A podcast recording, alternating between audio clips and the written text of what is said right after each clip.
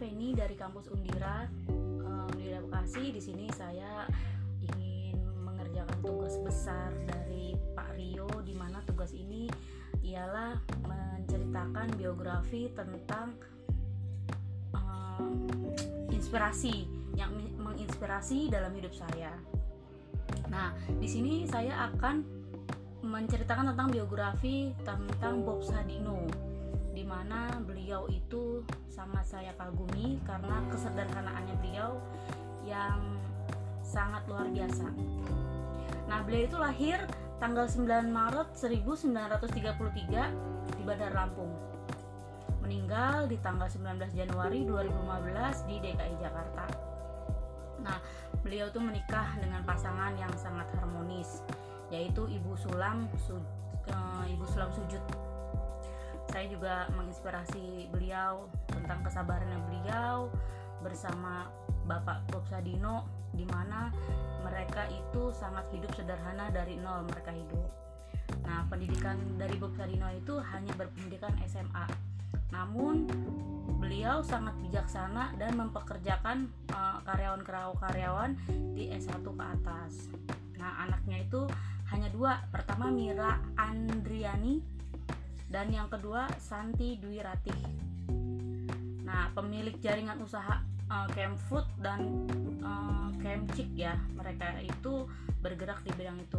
Namun teman-teman sebelumnya mereka itu sangat uh, apa ya sangat sederhana sekali karena memang awalnya mereka itu sangat jatuh bangun dalam usahanya. Nah pertama-tama mereka beliau itu usaha yaitu usaha ayam beliau itu berternak ayam lalu beliau itu menginspirasi dari ayam tersebut dari ayam itu bisa bertelur telur dijual. Nah dari situlah mereka merintis karir dari nol. Hingga saat ini mereka punya sekolahan gedung jalanan gedung-gedung bertingkat segala macam. Bahkan sekolahan penabur pun sangat luar biasa nih teman-teman yang untuk saat ini digandrungin sama mahasiswa mahasiswinya juga ya yang saya lihat nah selain itu cara berpakaian atau berpenampilan beliau juga itu ciri khasnya beliau yaitu menggunakan kemeja kemeja kotak-kotak atau kemeja apa pun pasti dengan bawahan celana pendek.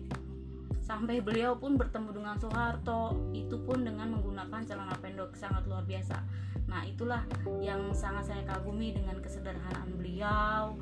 Sampai beliau meninggal pun meninggal yang tadi saya bilang di tanggal 19 Januari karena kegigihan beliau merintis dari nol sampai beliau itu tinggal kurang lebih 9 tahun di Belanda.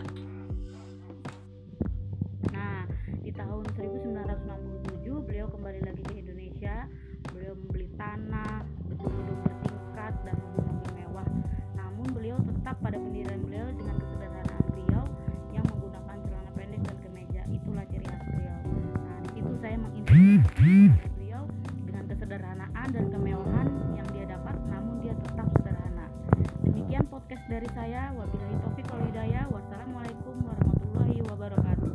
See you. Bye bye.